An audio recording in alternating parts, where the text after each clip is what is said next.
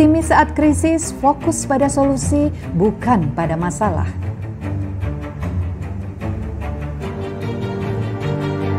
Kerjakan apa yang kamu cintai, hal ini akan membuatmu tangguh karena kamu menciptakan kebahagiaanmu. Temukan tim, di masa seperti ini banyak merasa senasib sepenanggungan, saatnya cari teman. Bagikan kebaikanmu, sekarang saatnya berbagi apa yang kamu miliki tidak harus berupa materi, bisa juga tentang semangat diri. Bahagialah karena bahagia bukan suatu harus berjalan baik, tapi bagaimana kita bisa merespon dengan cara yang lebih baik. Selamat datang di obrolan dapur ibu.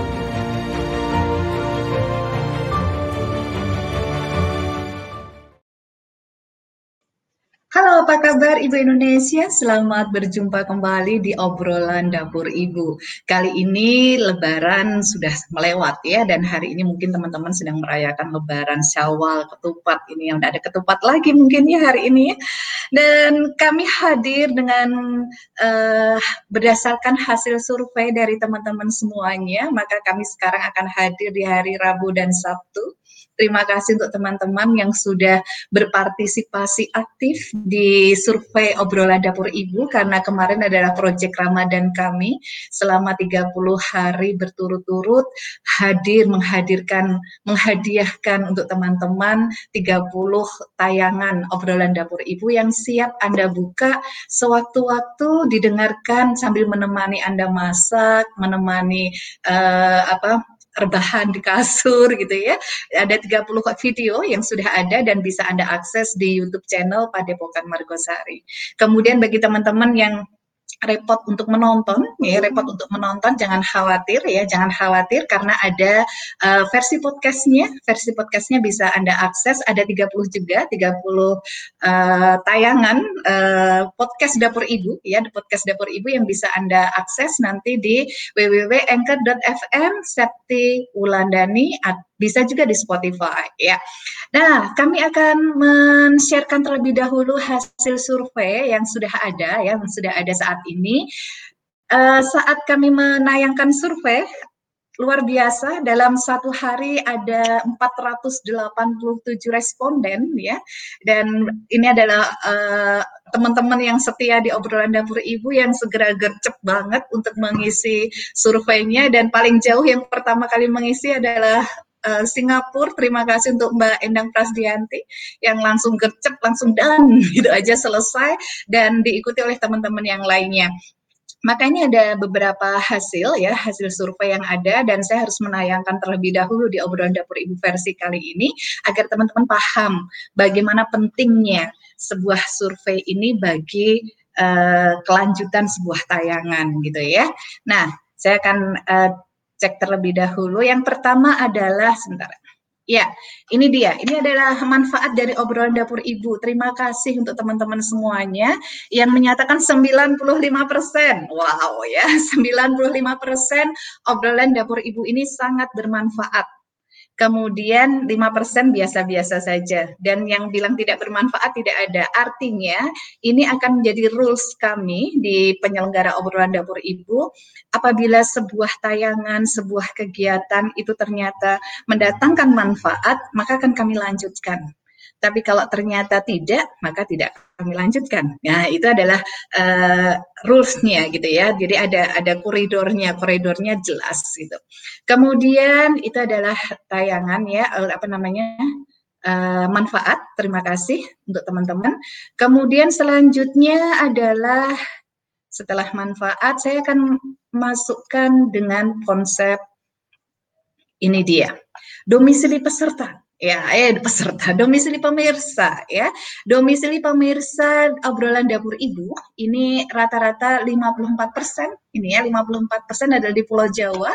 Dan saya senang ketika agak berimbang ini ya 43 persen adalah di luar Pulau Jawa. Bagi teman-teman yang di luar Pulau Jawa dengan menyesuaikan jadwal waktu dan kondisi uh, internet mungkin di sana masih tetap bisa dengan setia tetap masih bisa setia di obrolan dapur ibu tuh kalian mengucapkan terima kasih sekali ya kemudian sisanya dari dari luar negeri teman-teman yang ada di luar negeri terima kasih ya sudah setia dengan perbedaan waktu yang luar biasa ya kemudian itu tadi adalah domisili ya domisilinya. Kemudian saya berikutnya masuk ke hari ini ya, harinya.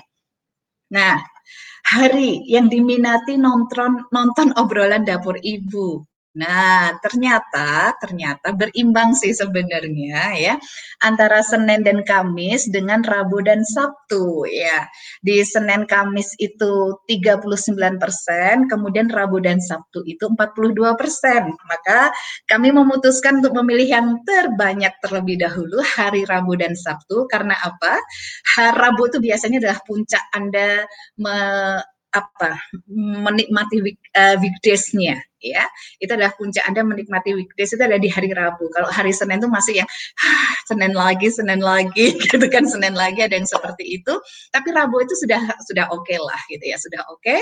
kemudian hari Sabtu itu awalan weekend. Jadi buat teman-teman yang work from home di weekdaysnya mungkin nggak bisa nonton tayangan dapur ibu kayak Mbak Siti Munawarah Alhamdulillah ya hari ini bisa ikut live. Karena nggak work from home maka kami sepakat untuk mengambil hari Rabu dan Sabtu sehingga bisa memenuhi uh, kebutuhan teman-teman semuanya. Ya. Kemudian berikutnya itu tadi adalah hari ya. Terus kita lanjut ke segmen. Ini dia segmen acara obrolan dapur ibu yang diminati ya yang diminati. Ini rata-rata hampir uh, sama ya rata-rata hampir sama tapi ada yang tertinggi yaitu adalah ngeteh bareng Pak Dodi. Ya ngeteh bareng Pak Dodi ini kami lanjutkan ya kami lanjutkan. Kemudian belajar dari yang muda ini 26% nanti ada segmen tersendiri. Mungkin segmennya adalah khusus anak-anak muda. Kemudian belajar dari maestro itu ada 31% nanti juga kami buatkan segmen tersendiri. Jadi kalau obrolan dapur ibu adalah ngeteh bareng Pak Dodi. Jadi akan banyak banget acaranya nanti ya. Doakan kami uh, bisa menghadirkan yang terbaik untuk teman-teman. Oke. Okay? Kemudian berikutnya adalah tadi segmen acara sudah ya.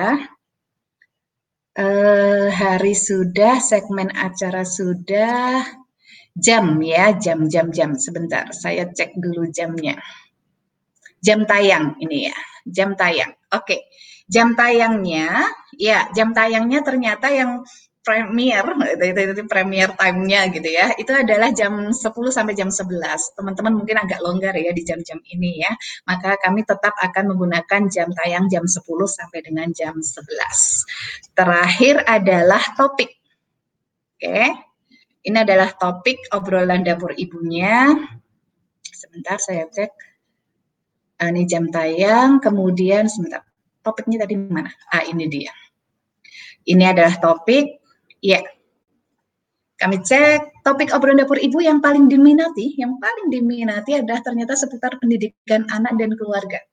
Jadi kita akan sepakat ngobrolin tentang pendidikan anak dan keluarga di dapur uh, di obrolan dapur ibu ini dan seputar perempuan, ibu dan istri ada 33% nanti kami buatkan segmen tersendiri khusus untuk perempuan, ibu dan istri dan obrolan umum tidak ada ternyata sangat sedikit yang pengen obrolan umum. Saya senang sekali Anda semakin fokus pada obrolan kita dan kami akan sepakat dengan uh, yang sudah uh, suara hati dari teman-teman. Ya, itulah tadi uh, hasil survei ya hasil survei dari obrolan dapur ibu ya dan saya akan menyapa terlebih dahulu teman-teman yang sudah hadir. Yang pertama adalah Mbak Ana. Ya yang awal-awal nih udah datang duduk awal sebelum dapur ibu mulai uh, tayang. Dia sudah datang. Kemudian Mbak Fitri Malana apa kabar?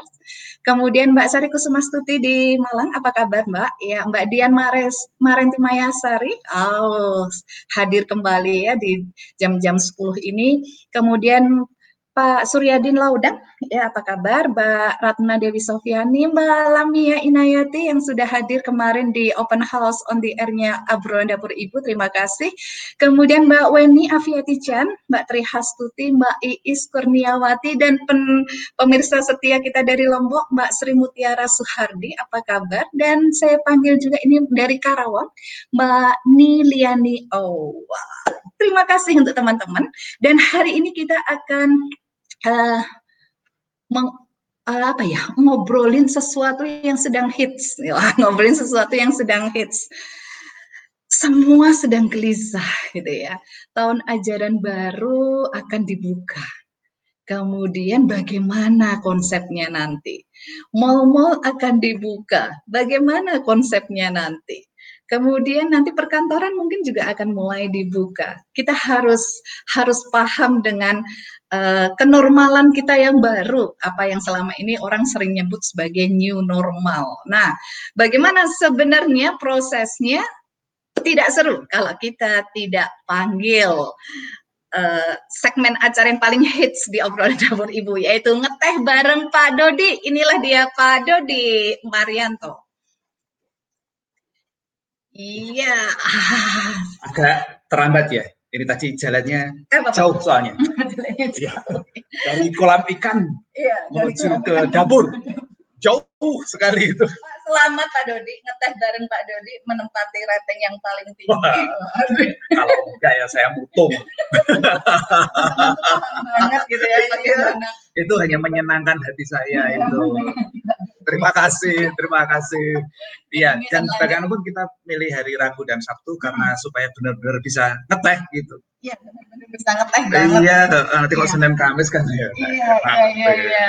Eh Pak, ini ada yang jauh-jauh datang ini. Oh, ada Mbak Ita Taufan. Apa kabar Mbak Ita Taufan? Ini. ini kakaknya Pak Dodi. Iya. iya. Pasangan keren. Ini Pak De Lukman sama Mbak Nur hadir juga. Wah, iya. Mbak Ervina Wibowo, terima kasih sudah datang. Mbak Abira Rahmi dari Padang. Halo, apa kabar? Dan Manok Wari hadir. Wah, oh, ya. Pak Esrif ya, terima kasih sudah hadir ya. Iya, Wari sudah siang banget. Sudah siang ya ini ya. Oke.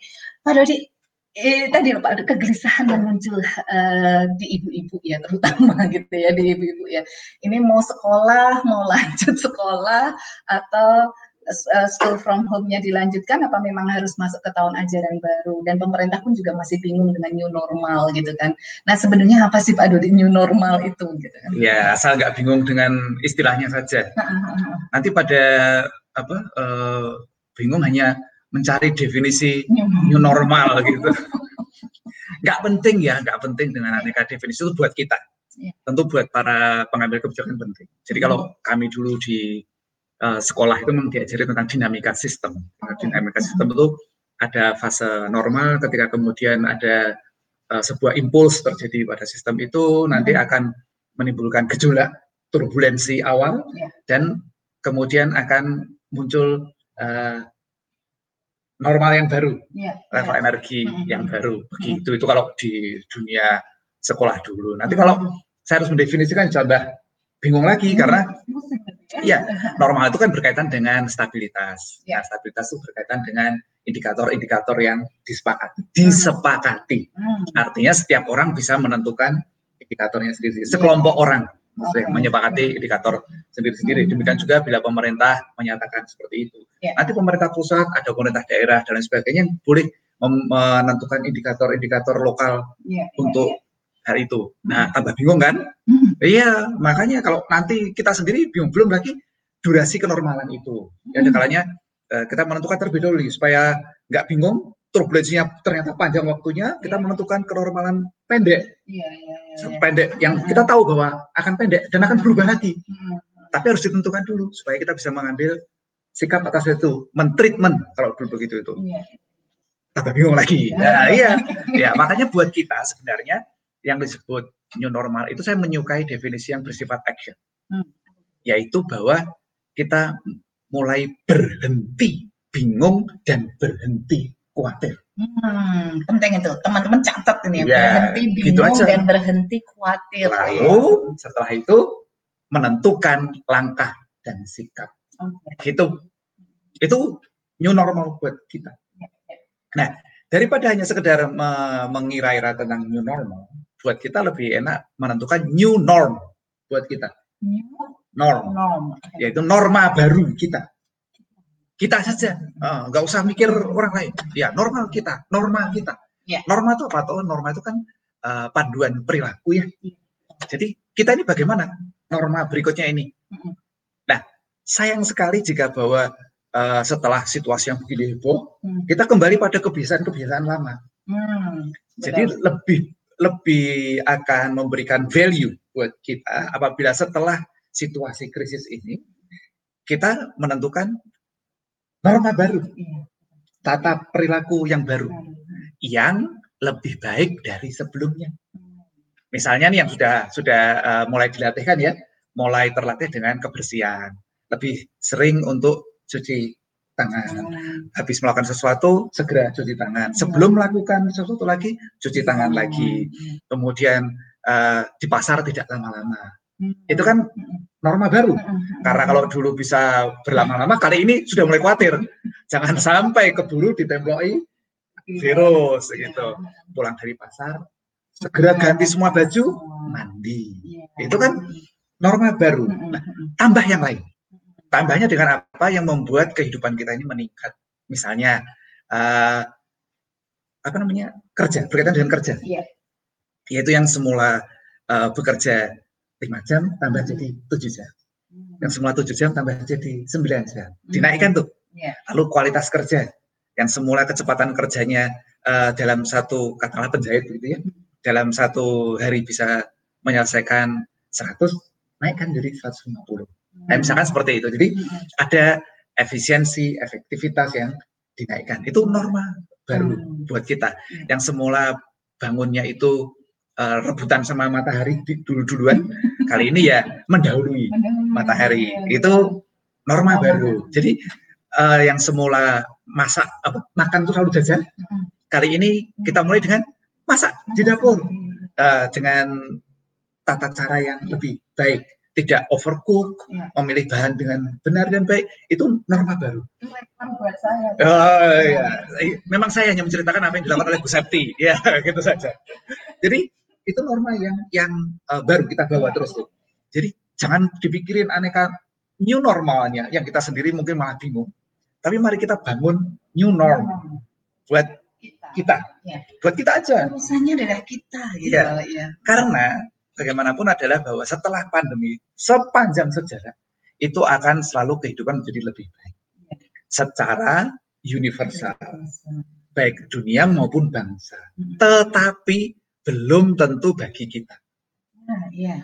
jadi lebih penting buat kita ini oh, kita senang lah Indonesia menjadi lebih baik. Tapi apakah kita ikut. menjadi lebih baik juga? Iya, jika tidak maka kita hanya akan nonton orang lain yang menjadi lebih baik kita sendiri tetap manyun. Itu kan sedih banget. Iya, kita bisanya hanya tepuk tangan gitu kan, iya. jadi penonton. Dulu gitu. kita punya teman-teman sama-sama bisa rasan-rasan bareng nih, hmm. pengen uh, pergi keliling dunia dan sebagainya dan hmm. sebagainya. Hmm. Lalu teman-teman yang kita ajak ngobrol, kita ajak rasa-rasan tuh betul-betul sudah bisa keliling dunia. Karena membuat karena membuat new norm, iya bekerja lebih keras, hmm. lebih rajin, hmm. lebih giat berinvestasi hmm. dan seterusnya. Hmm Sementara kita tetap saja seperti yang dulu. Maka teman kita itu sudah benar-benar bisa keliling dunia dan kita tuh hanya men gitu ya. dan mencari teman baru untuk rasa-rasa lagi yang sama-sama nggak bisa keliling yang dunia. Masih tahapnya masih awalan lagi. Iya kan sedih banget gitu. Iya. Jadi marilah uh, fokus perhatian kita kita letakkan pada diri kita dan keluarga kita terlebih dahulu. Uh, jangan terlalu sibuk mengkomentari aneka hal yang lain. Iya jangan terlalu sibuk juga mencari aneka informasi yang ternyata tidak kita perlukan. Ya. Definisi new normal ya. dan sebagainya itu enggak lah. Buat saya itu saja. Ya. Berhenti untuk khawatir. khawatir dan bingung. Berhenti untuk khawatir, berhenti untuk bingung. Lalu mulai menetapkan sikap dan menentukan langkah saat ini. Ya, ya. Begitu saja sederhana betul, betul. buat kita. Jadi jangan paranoid ya, jangan paranoid kekhawatirannya terlalu tinggi. Nah, berikan aja hal-hal baru karena sebenarnya kalau urusan normal tuh masing-masing keluarga berbeda ya Pak ya. Oh iya. Iya, kan yeah. kayak contoh kita sekarang work from home itu new normal buat teman-teman yang work from office selama ini. Yeah. Eh buat kita ini normal banget. buat buat kami berdua oh nggak ada bedanya ini sebenarnya gitu kan iya, ini normal betul, gitu. Tetapi tidak perlu kemudian meyakinkan ibu mengenai hal ini.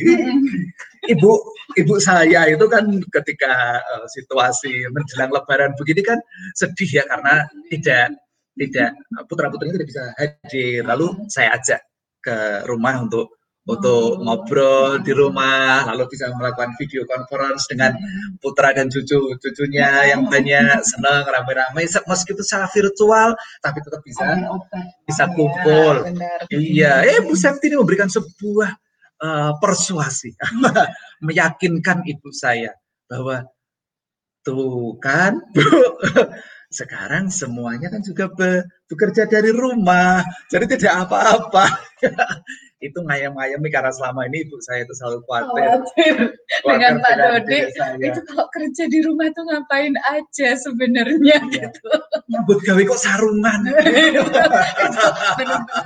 khawatir sehingga saya kemarin waktu ibu berada di rumah ini tuh kesempatan saya untuk menjelaskan bahwa bekerja semua orang sekarang bekerja di rumah. Dan ketika anak-anak saya dulu homeschooling saya juga menjelaskan ke ibu lagi ibu sekarang semua anak se Indonesia bahkan sedunia ini homeschooling.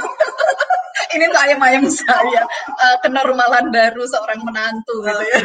Aduh itu ibu saya juga cuma banget itu ya gitu. Ya uh, artinya bahwa uh, buat kita buat buat kita ya, ya. buat kita bahwa setiap etapa itu jika bisa kan berubah ke yang lebih baik.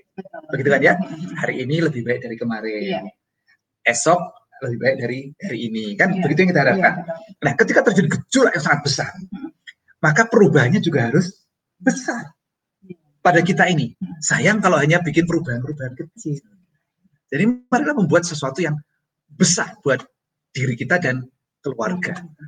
Oh, hidup hanya sekali loh ya mari kita gunakan dengan sangat baik ya, ya, ya. setiap anugerah yang maha kuasa ini. Ya, ya. Siapa bilang ini tuh sesuatu yang uh, di luar kehendak yang maha kuasa? Dan ada di dunia ini yang di luar kehendak yang maha kuasa. Maka bila kita dihadapkan dengan situasi ini, ada kita bersangka baik bahwa Allah sedang uh, mengizinkan kita untuk melakukan sebuah perubahan yang besar yeah. untuk diri kita dan lingkungan kita. Itu. Tapi tahap pertamanya adalah selalu untuk diri kita, yeah. diri kita, keluarga kita, baru lingkungan kita. Yeah, yeah. Jadi inside out. Jangan mau dibombardir dari luar, dipenuhi dengan khawatir, dipenuhi dengan kebingungan karena kebanyakan baca status gitu. Kalau enggak berita-berita di WA itu. Pusing. Aduh. Bukan hanya status, kalau sekarang ya. status mungkin bisa. Ya, waktunya lebih ya. banyak membaca buku. Ah, betul. Karena jika Anda membaca buku, Anda akan mendapatkan kedalaman pengetahuan dan ketenangan. Ya. Jika Anda terlalu banyak membaca berita pada hari-hari ini, Anda akan dipenuhi dengan kekhawatiran dengan sedikit informasi. Ya. Itu, itu. Jadi ini waktu yang sangat baik. Iya. Buka kembali perpustakaannya, baca buku. Ini mumpung kesempatan banyak sekali perpustakaan yang memberi kesempatan untuk kita boleh meminjam, ya. mengakses perpustakaannya dengan gratis dan bahkan beberapa di antara mengizinkan kita untuk download Iya. buku-bukunya dengan dan buku-buku keren gratis. Ya. Buku-buku Biasanya buku-buku yang dijual mahal gitu. Iya. Sekarang ini gratis banyak sekali. Maka oh, dijadwalkan ya, dijadwalkan perlu dijadwalkan dan ini adalah momen penting buat teman-teman iya. untuk uh, membuat kenormalan baru ala kita, ala keluarga kita. Gitu. Dan ya. teman-teman sekalian, hmm.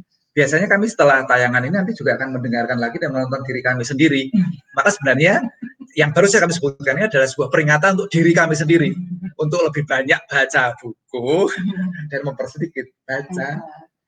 Iya, yang nggak jelas gitu. Berita WA gitu ya, itu tuh ya. di dipersempit gitu. Ya, new norm buat saya adalah ketika membuka medsos baik mm -hmm. itu Facebook maupun Instagram, saya tidak melakukan scroll Oh nggak klik home itu ya Pak ya? ya. Biasanya kan ya, home, home oke. Okay. Home. home kan karena kalau mau bikin status kan di home kan. Iya, iya, iya. Ya, nah, tapi saya akan memulai dengan menulis dan bukan scrolling. Oh, nah itu teman-teman ya nggak usah nggak usah scrolling karena ternyata kalau kita sibuk gitu, kita sibuk menyibukkan diri kita. Misalkan kalau saya contohnya ini di obrolan dapur ibu ini hari-harinya itu memang kalau kemarin selama Ramadan gitu ya Pak ya, nggak sempat itu nulis status yang tidak berkaitan dengan obrolan dapur ibu karena cuma sekali sekali nulis. Padahal masih banyak nih ada masakan ada ada perjalanan Ramadan itu yang masih saya apa namanya simpan. masih saya simpan.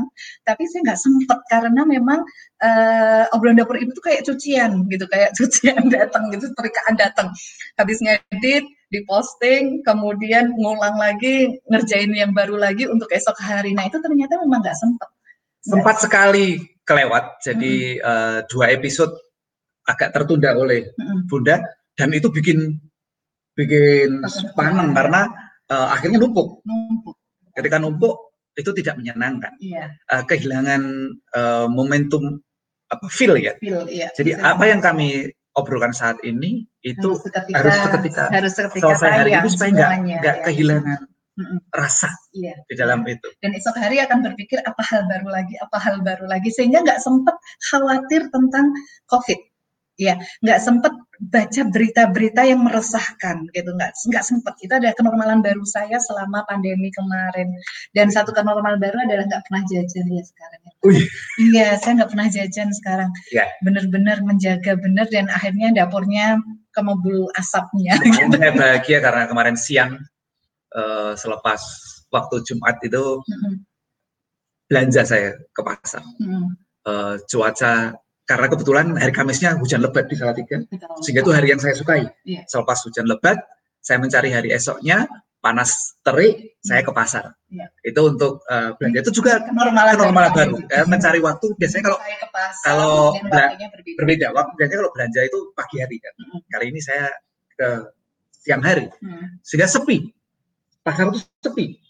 Saya bisa cepat bergerak dan tidak tidak banyak neko-neko dan hmm. putarannya ya itu Set, pendek sampai di mobil sudah hujan lagi sehingga saya segera bisa balik dengan cepat dan kurang lebih semuanya itu berjalan hanya sekitar kurang dari 30 menit. Ya.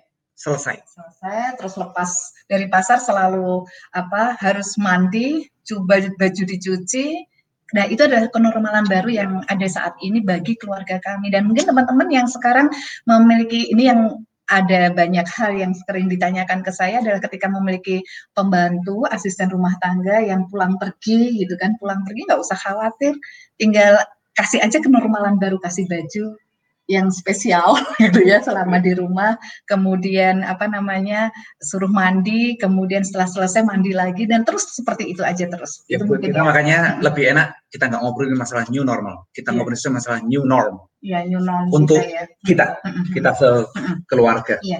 karena itu termasuk nanti ketika anak-anak masuk sekolah, sekolah. Iya, ya. itu kita siapkan mereka dengan norma-norma ya anda, Anda, Anda aja yang menyiapkan sebagai sebuah keluarga.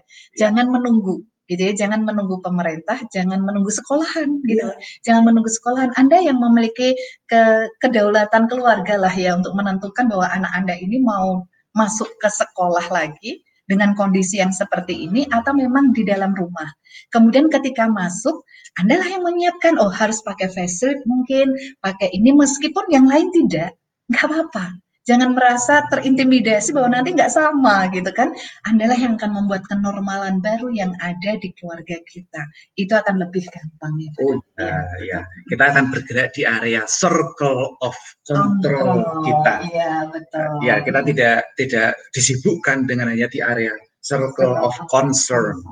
Itu membuat energi kita habis dan tidak ada hasilnya. Iya.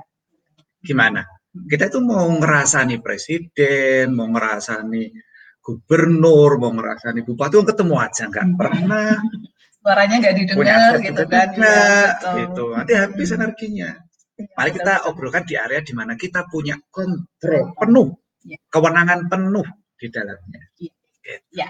Terima kasih Pak Dodi untuk segmen satu. Ya, untuk segmen satu kali ini uh, kita akan ada iklan sebentar. Ini adalah kenormalan baru, ya, kenormalan baru yang ada di sekolah. Terus ini adalah saya akan menyampaikan bahwa ada gagasan graduation online, gitu. Ada gagasan graduation online dan bagaimana konsepnya nanti kita lihat di iklan kali ini. Dan buat teman-teman yang akan uh, bertanya, diskusi langsung dengan kami, silahkan segera uh, uh, tulis komen, tulis komen di sini dan nanti akan kami tayangkan. Ya, inilah dia uh, kenormalan baru untuk graduation sekolah ya.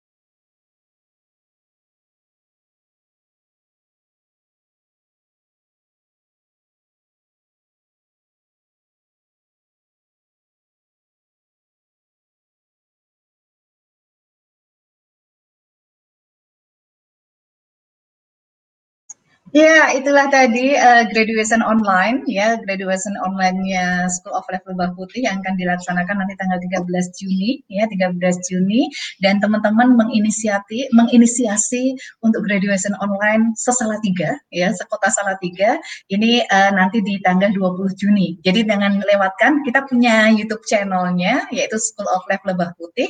Teman-teman juga siaran seperti ini di model belajarnya dan sekarang sedang mulai mulai menyiapkan graduation online dengan segala macam kostum yang ada. Jadi, ya.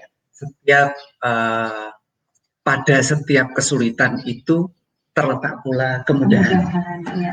Dulu kita pengen sekali bisa, bu bareng-bareng aja yuk bikin graduation sekota. Ya, sekota Salatiga gitu ya, ya dulu ya. Lalu sering terkendala dengan uh, teknis lah. Ya. Waktunya nggak bersesuaian, ya. lalu ruangannya yang area yang bisa digunakan, ya. hal teknis seperti itu. Ya.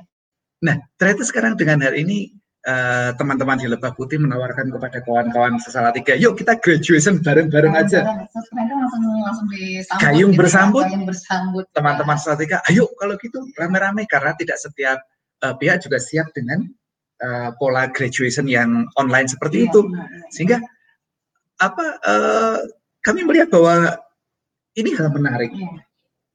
Banyak hal yang dibukakan pada kita. Pintu-pintu yang dibukakan ketika satu pintu tertutup, ratusan pintu terbuka. Jadi kami percaya bahwa uh, lebih sedikit uh, kesempatan yang terbuka dibandingkan uh, kesempatan yang pintu-pintu kesempatan yang tertutup akibat pandemi ini. Kita hanya perlu untuk menetapkan pada diri kita satu norma baru untuk lebih giat bekerja, lebih giat belajar, dan lebih menerima ya, dengan lapang dada. lapang dada. Semuanya ya. itu. Karena sesuatu hal baru dan ini belum pernah ada best practice yang akan melihat leading di depannya gitu kan. Berarti kita lah yang berkesempatan untuk menjadi leading gitu sebenarnya, untuk menjadi lead, leader gitu ya. Untuk menjadi leader, menyiapkan segala sesuatunya dengan yang baru. Ini saatnya, aja Anda lah yang men, berada di sini ya sekarang. Ya. Kayak kemarin kita diundang Facebook untuk graduation online gitu ya di seluruh dunia gitu. Seluruh dunia dengan keynote speakernya Oprah Winfrey nggak kebayangkan gitu.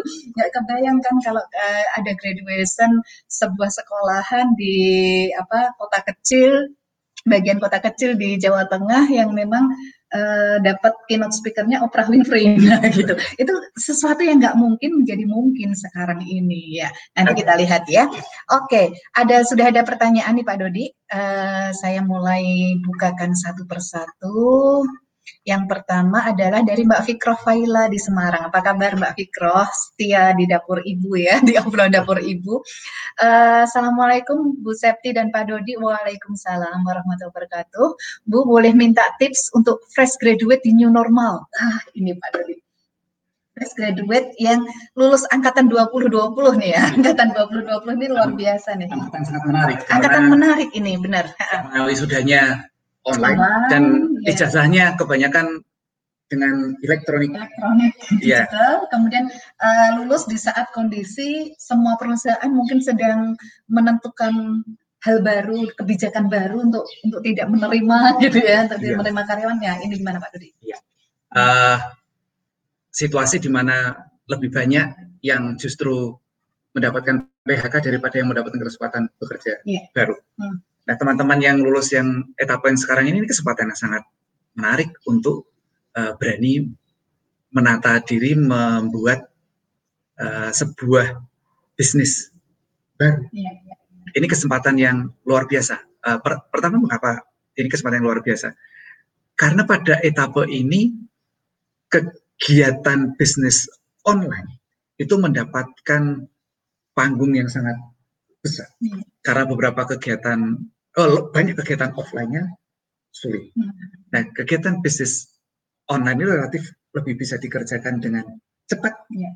infrastrukturnya sedikit, uh, apa uh, bahkan bisa dengan sumber daya yang sedikit, yeah. bahkan sendiri pun bisa. Itu kesempatan yang besar. Hmm. Jadi alih-alih sibuk dengan menunggu-nunggu di mana uh, perusahaan yang bersedia untuk menerima dirinya sebagai pekerja, hmm. mari melakukan sebuah aktivitas membuka bisnis baru. Hmm. Nah, jalani aja, hmm. jangan berhenti. Biasanya mereka-mereka yang sudah wisuda itu punya sebuah apa namanya ya, hmm. sebuah kebiasaan buruk sebelumnya, yaitu kalau sudah wisuda itu berhenti berkembang. Iya. Kegiatannya hanya sibuk mengirimkan lamaran pekerjaan. Membacanya sedikit, belajarnya sedikit, beraktivitasnya sedikit, iya. itu begitu wisuda. Maka nih kesempatan adalah yang pertama, jangan berhenti untuk uh, beraktivitas. Ya. Belajarnya jangan berhenti karena ini kesempatan yang bagus banget. Banyak sekali free course saat ini dari perusahaan-perusahaan dari institusi-institusi ternama, dari lembaga pendidikan ternama sedunia, itu banyak membuka free course saat ini. Jadi daftarkan diri Anda pada course-course yang sangat bagus ini. Ini bersiap. Artinya kita sedang membangun portofolio, membangun investasi. Karena nanti dari aneka course itu, barangkali akan ada yang bertepatan dengan sebuah uh, lowongan baru. Yeah peluang baru yang nggak pernah kita pikirkan ya yang tidak terpikirkan ya, pasca pandemi. Iya betul. Jadi pasca pandemi ini akan segera terbuka aneka macam peluang baru, baik itu untuk bisnis pribadi maupun untuk menjadi bagian dari sebuah perusahaan. Ya. Peluang barunya banyak banget. Nah, kita perlu bersiap menghadapi aneka peluang itu. Iya. Persiapkan, investasikan banyak hal pada diri kita. Belajar banyak, ikuti course yang banyak, kalau ada magang-magang online, hmm. ikut magang online. Ada ada mentoring online, ya, ikut mentoring online. Banyak sekali yang bisa kita kerjakan. Prinsipnya jangan sampai berhenti bergerak. Kalau begitu berhenti bergerak, Anda akan memiliki namanya kelembaman. Ya. Mom, apa uh, energi ya, inersia itu yang yang nanti kayak dorong mobil mogok dulu kan berat pada awalnya ya, nanti untuk bergerak lagi berat jadi terus bergerak. Jangan berhenti hanya karena Anda belum diterima bekerja di tempat lain. Kalau belum diterima bekerja di tempat lain, barangkali Anda memang dipersiapkan untuk membuka sebuah lapangan pekerjaan ya. baru. Iya, karena sunahnya rezeki itu didapatkan dengan cara bergerak gitu. Ya. Nah, itulah yang harus dijalankan ya. ya siapa tahu ketika ya. Anda menjalani course-course itu, Anda sedang bertemu dengan banyak pengusaha-pengusaha yang kemudian menjadi mitra bisnis ya. atau merekrut Anda ya. di sana. Terus bergerak. Itu, itu ya Mbak Fikroh ya. Oke, selanjutnya dari Pak D, Pak D Lukman. Sebentar, saya cek dulu. Ah, bukan ibu saja.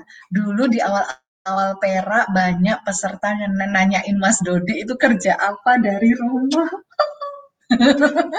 oh, jangankan bapak-bapak ya. Wong saya aja tuh juga bertanya-tanya loh. ya, Pak. Saya ini sebenarnya kerja apa gitu bingung ya Pak De ya. Gitu ya seperti inilah Pak De. Iya. Ya ya gitulah. Bahagia pokoknya Pak De. Intinya uh, adalah bahagia. Ngeteh aja ngeteh. Ngeteh bareng. Oh iya Pak Dodi ini uh, jago. Sekarang kenormalan baru pada new normnya Pak Dodi adalah uh, jago untuk bikin teh gitu, jago untuk bikin teh, bikin meramu, kopi, meramu. Jadi kami siapkan di dapur ini adalah ada bartendernya gitu ya. Bartendernya adalah Dodi. Dan anak-anak tahu. Sehingga kemudian uh, Ara mengirimkan pada kami yang di ujung sana itu ya. bingkisan lebarannya adalah bingkisan lebarannya adalah aneka teh, aneka teh ya ada Indonesia teh Indonesia ada teh Padang gitu ya kemudian teh-teh yang ah, bagus itu itu ternyata enak teh Indonesia itu gitu ya luar biasa dan tanpa gula enak kalau saya biasanya kalau teh curah beli teh curah yang di warung gitu harus pakai gula karena kayaknya harus nggak nggak afdal kalau nggak pakai gula tapi ternyata sudah kadung di kepala, di kepala itu, ada nas gitu, ya. gitu. jadi harus panas legi dan kental itu jawabannya Pak De jadi Pak Dodi itu kerja di rumah sebagai matehan. Oh. Matanya Matanya saya spesial gitu mahal ini. ya terima kasih ya Pak Dea. Kemudian berikutnya adalah uh, oh dari Mbak Zazu ini Fitriati lama nggak baca buku, ayo Mbak baca ya, ya. Ini dari Mbak Trihastuti Handayani, semua orang tua sepertinya hampir sama bu khawatirannya anakku rapat kok sarungan. Iya. Tapi membahas sarungan lagi nih Pak Dodi iya. Ya. Iya. nggak klop gitu ya antara norm normnya orang tua ya yang yang kita dengan iya. new normnya kita gitu kan sekarang gitu. Nah, mensinkronkannya gimana nih Pak Ya. Ketika ada ibu, maka jangan sarungan. itu aja. Pakai jas yang rapi, komplit. Jangan cuma jasnya di atas, bawah sarungan gitu.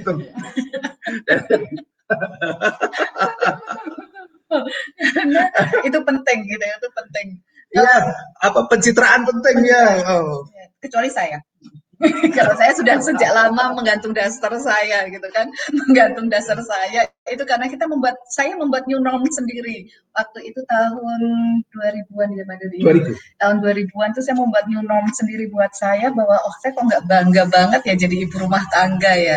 Orang lain nggak saya aja nggak bangga apalagi orang lain gitu. Sehingga saya membuat new normal sendiri dalam kehidupan saya adalah menggantung daster dari jam uh, kalau sudah jam 7 pagi tuh gantung dasternya kemudian pakai baju keren serasa mau keluar rumah gitu ya pakai jilbab yang bisa di ya seperti inilah jilbab-jilbabnya nggak cuma bergo aja gitu kan itu new normal yang, yang, yang seharusnya ubet-ubet nanti pakai ini pakai ini gitu yang semua orang nganggapnya aneh pertama kali gitu kan yeah. dan lama-lama sekarang yeah. biasa guyonan guyonan saat ini yang banyak beredar tuh yeah. ya di aneka video-video pendek itu ibu ya. Ibu-ibu yang dengan baju rapi bawa tas rapi ditanyain mama mau ke mana? Ya ke mana-mana. Kok rapi banget? Terus tiba-tiba nyiram tanaman tanah. Terus uh, setrika kasih makan ikan. Itu itu buat guyonan. Ya. Tapi guyonan itu itu adalah keseriusan besar waktu dulu, itu. Gitu. Kalau sekarang kan dianggap guyonan ya. Ya, jadi besarnya dulu ketika setrika itu, itu. kostumnya seperti itu. Iya, betul. Jadi uh, dengan kostum yang bagus, saya juga bilang mau ke mana Sep? Pertanyaannya selalu itu anak-anak. Kemudian Pak Dodi pertama Pak Dodi itu ngelihat saya dari bawah ke atas. Sep kamu mau ke mana? gitu kan? Sep kamu mau ke mana? Mau setrika? Iya. mau ini, iya. mau itu. Nah, gitu kan? Bedanya adalah bahwa yang guyonan para ibu di dunia medsos itu, itu adalah keseriusan, Dan Anda sudah menduga hasilnya adalah ibu profesional. Jadinya adalah ibu profesional. Jadi itu. mari kita bikin guyonan yang serius. Iya. Yang orang lain masih nganggapnya aneh gitu. Ya. Iya. Mr. Bean yang guyon begitu aja itu PhD Electrical Engineering. Oh keren kok gitu. Jadi guyon itu harus sangat serius. Iya. Jadi mari kita bikin guyonan yang sangat serius. Iya, iya. Kenapa tidak? Oke, berikutnya ini dari Mbak Irma Inspiri di Sidoarjo. Apa kabar Mbak Irma Inspiri ya? Uh, pertanyaan saya karena sudah semakin ingin sekolah jarak jauh gitu ya. Apakah sekolah Lebah Putih buka program sekolah jarak jauh? Oh iya Mbak, nanti tunggu uh, awal Juni kita akan buka pendaftarannya, kemudian nanti grand launchingnya di tanggal 13 Juni. Ya, tunggu kabar kejutan dari Lebah Putih ya. ya. Kemudian, eh sebentar, ini sudah ya Mbak Irma. Lanjut lagi, ah dari Lombok nih Pak Dodi, Mbak Sri Mutiara Suhardi. Apa kabar Mbak? Sudah ajak teman-temannya banyak untuk ngumpul bareng, nonton bareng di sini. Oh ya teman-teman bisa gunakan uh, Facebook Watch ya. Jadi ini ada fitur Facebook Watch untuk Watch Party. Jadi nonton bareng. Jadi tinggal diklik aja, nanti semua teman-teman yang ada di sana bisa nonton bareng semuanya dengan dap obrolan dapur ibu ini. Jadi bisa makin uh, banyak teman-teman yang merasakan manfaatnya gitu. Ya, ini izin bertanya. Mbak Sri Mutiara Sri Mbak Mut ya.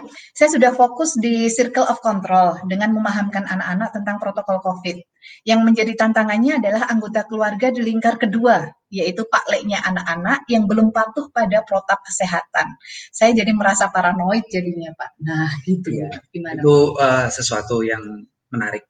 Hmm. Uh, pada setiap tidak hanya setiap kayak saat ini, hmm. yaitu ketika ternyata kita tidak sama dengan lingkungan sekitar. Hmm. Itu uh, berat. Dulu ketika kami memulai beraktivitas di rumah, ketika semua orang keluar dari rumah, bekerja di kantor, sekolah di sekolah, belajar di sekolah, hmm. kemudian artinya semuanya keluar dari rumah. Ya. Kami memilih untuk masuk ke dalam rumah, itu juga aneh. Hmm. Mesti ditanyain, hmm. dianggap aneh-aneh dan banyaklah obrolan yang lainnya. Ya, ya, ya. Tidak mudah.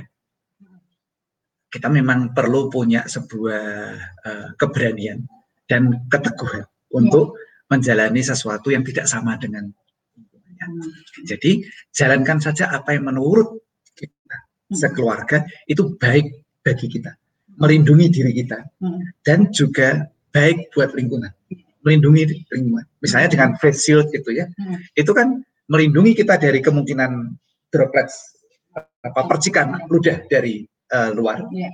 Sekaligus melindungi lingkungan dari kemungkinan percikan ludah yeah. kita keluar. Jadi uh, itu baik buat diri, baik buat lingkungan. Kerjakan saja. Nah, sekarang dibuat anak-anak itu bangga dengan hal itu. Bisa bangga itu kalau ada narasinya. Ya, Jadi misalnya begini nih, face shield itu yang dari Mika itu misalnya ya, dibentuk sehingga seperti seolah menjadi superhero. Hmm. Sehingga mereka yang memakainya bangga hmm. karena sedang menjadi superhero. Hmm. Gitu kan keren. Anak-anak itu uh, akan dulu kan anak-anak juga senang memakai pakaian Batman. Ketika teman-teman lainnya tidak iya, pakai iya, iya. Batman, bangga itu. Pakai bajunya Superman, bangga. Nah, sekarang juga dibangun tuh supaya anak-anak bangga dengan face itu itu mereka sedang jadi apa diberi nama itu hero-nya. Face shield-nya dibuat berbagai macam mode. Karakter, setiap karakter, setiap mode itu diberikan nama karakternya. Sekarang sedang memakai bertugas di antariksa pakai yang hijau, ya. pakai yang ini, ya. pakai merah. Sedang apa? Pakai yang ini. Ya. Semua membangun apa? Uh, seolah sedang bermain bermain karakter. Ya. Jadi kita aman, lingkungan aman, hmm. anak-anak bahagia, ya, bangga, tidak merasa uh, lucu dengan berbeda, berbeda sendiri. sendiri dari ya, ya. teman-temannya. Ya, ini ada peluang buat teman-teman. Siapa tahu Anda sekarang menjadi pengusaha face dengan berbagai macam karakter. Saya tunggu ya. Iya, iya, betul, betul, betul. Ya. Lanjut ini Pak Dodi dari Pak Joni Aprianto. Terima kasih Pak Joni yang sudah selalu setia di obrolan dapur Ibu. Di new normal saya mau membuka bisnis rumah bakat.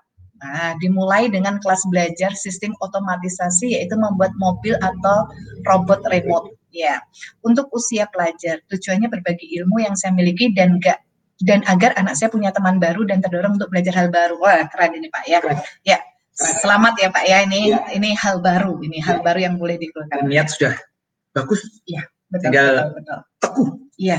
Ulet dan teguh. Ulet dan teguhnya.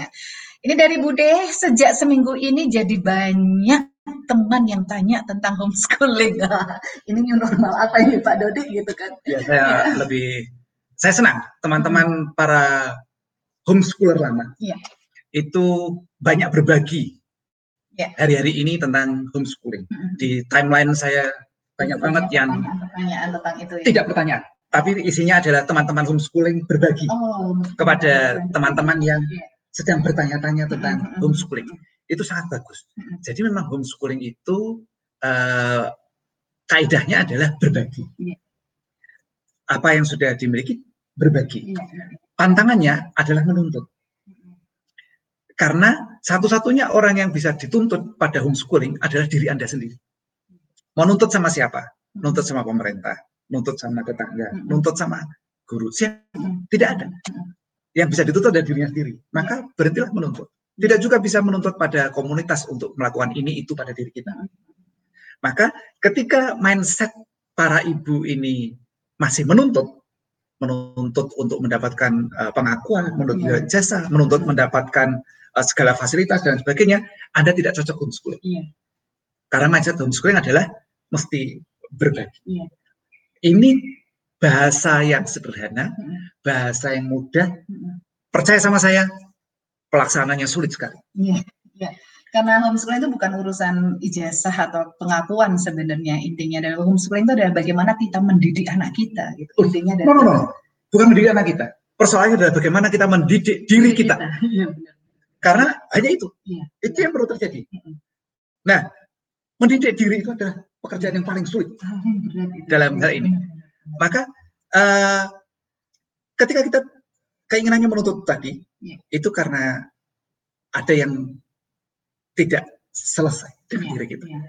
Maka mulai dengan berbagi. Ya. Nah, ketika mindsetnya sudah berbagi ini, termasuk kepada anak-anak ya.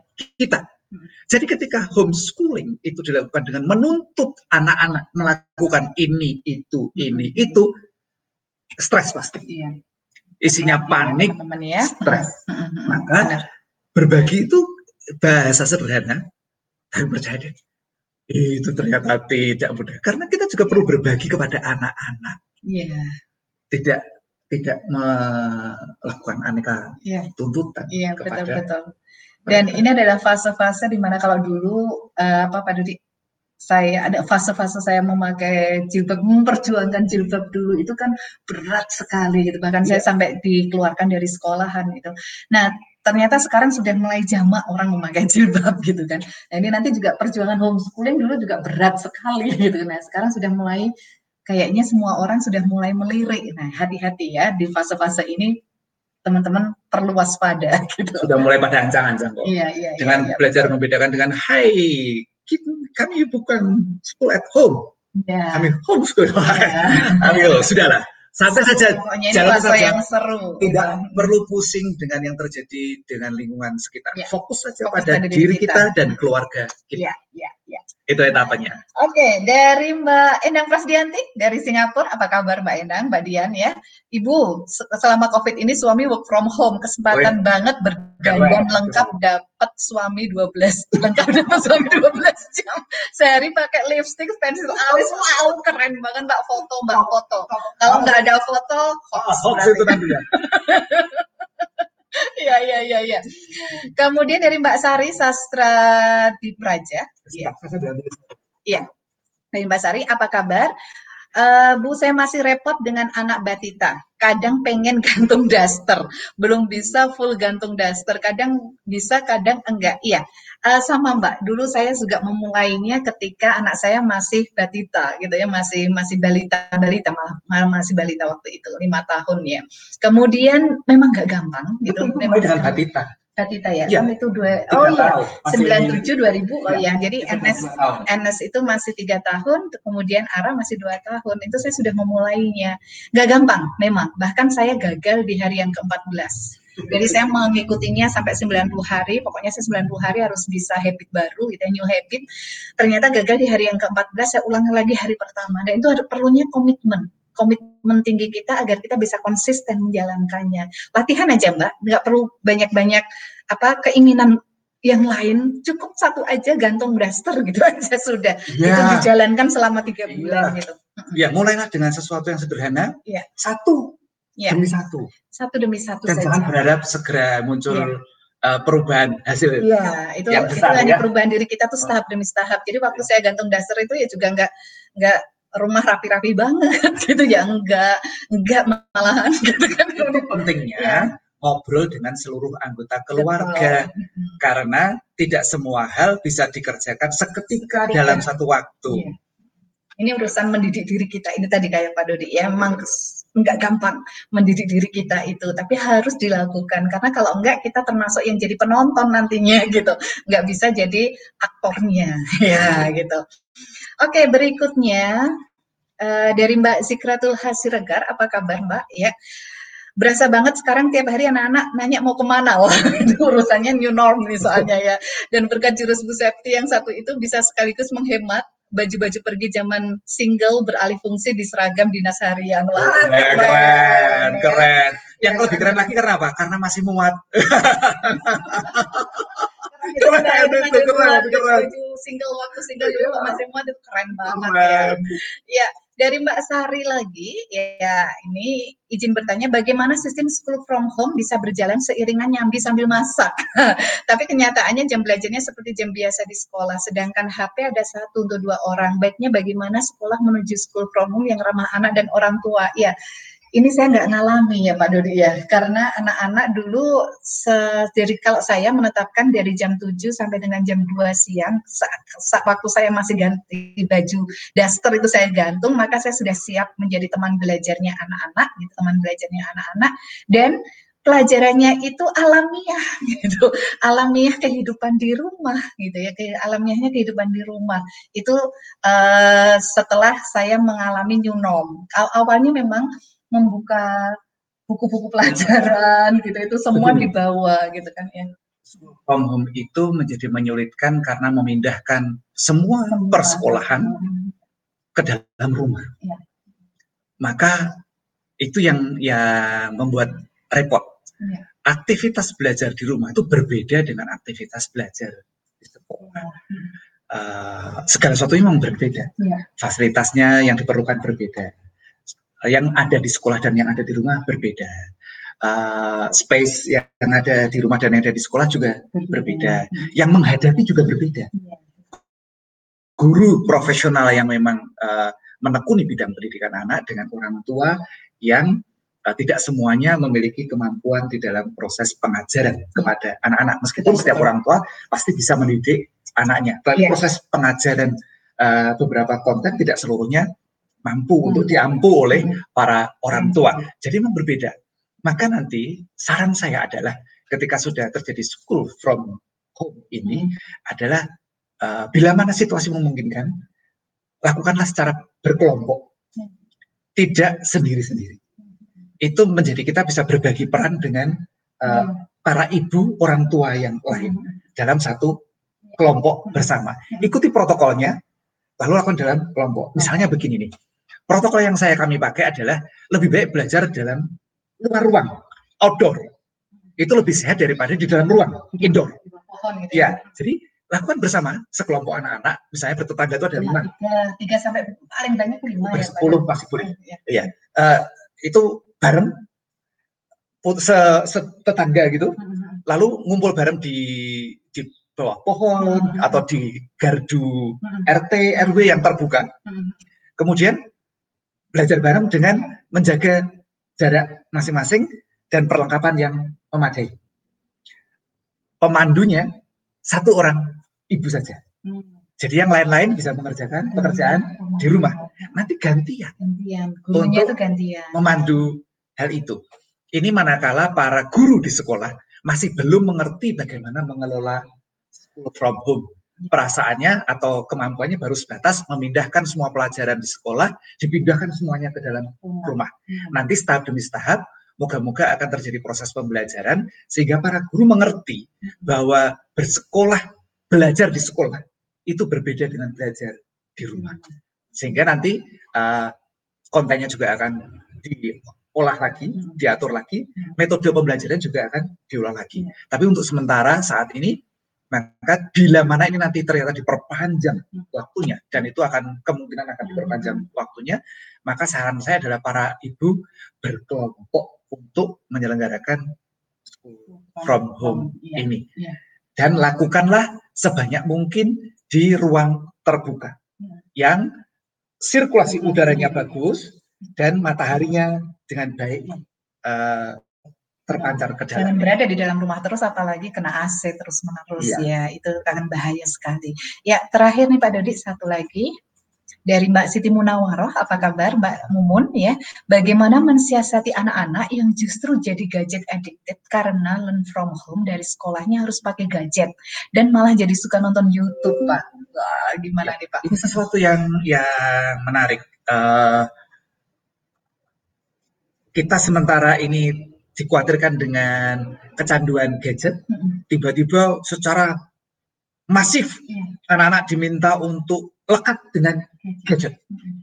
Dan mereka-mereka yang belum masuk usia yang memadai ya. sudah diminta untuk beraktivitas melalui uh, gadget. Ya. Yang pertama, pertama adalah para orang tua juga mesti tahu bagaimana adab gadget ya. dan jalankan. Hmm. Jadi orang tuanya memberi contoh hmm. bagaimana berperilaku terhadap gadget itu, menggunakan gadget dengan semestinya, dengan cara yang uh, baik dan efektif hmm. dalam hal ini. Berikan contoh. Yang kedua, uh, anak-anak yang belum sampai pada usia yang memadai, yang saya sebut yang memadai adalah 14 tahun. Maka setiap kali mereka memegang gadget, dampingi hindari anak-anak memegang gadget sendirian tanpa dampingan orang tua.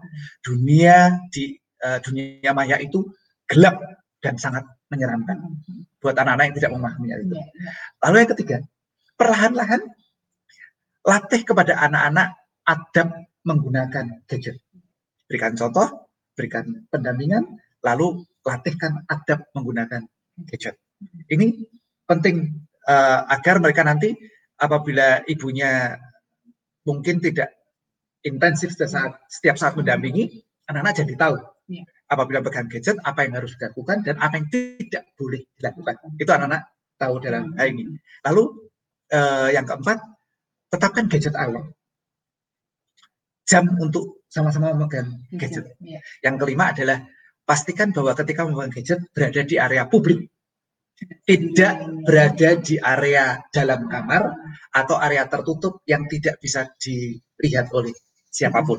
Jadi gadget hanya boleh dipegang di area publik. Itu pun layar harus menghadap ke publik, bukan menghadap ke tembok.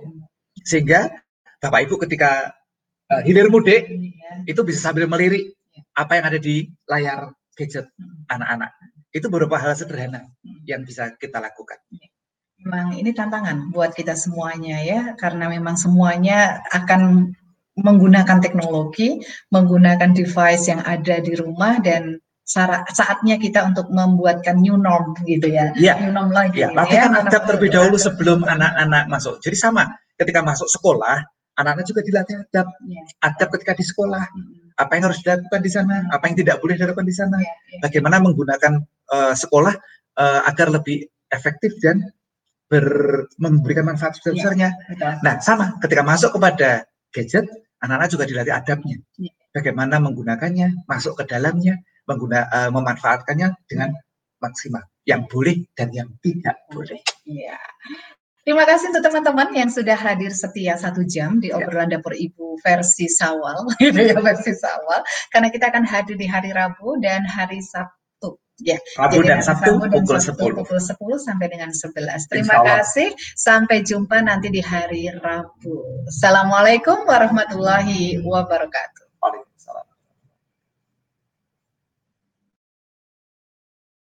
Dapur adalah wajah keluarga kita. Dapur adalah pusat peradaban keluarga kita. Dapur adalah tempat di mana kehangatan keluarga kita berada. Mari saatnya membangun peradaban dari dalam rumah. Salam obrolan dapur ibu. Harta yang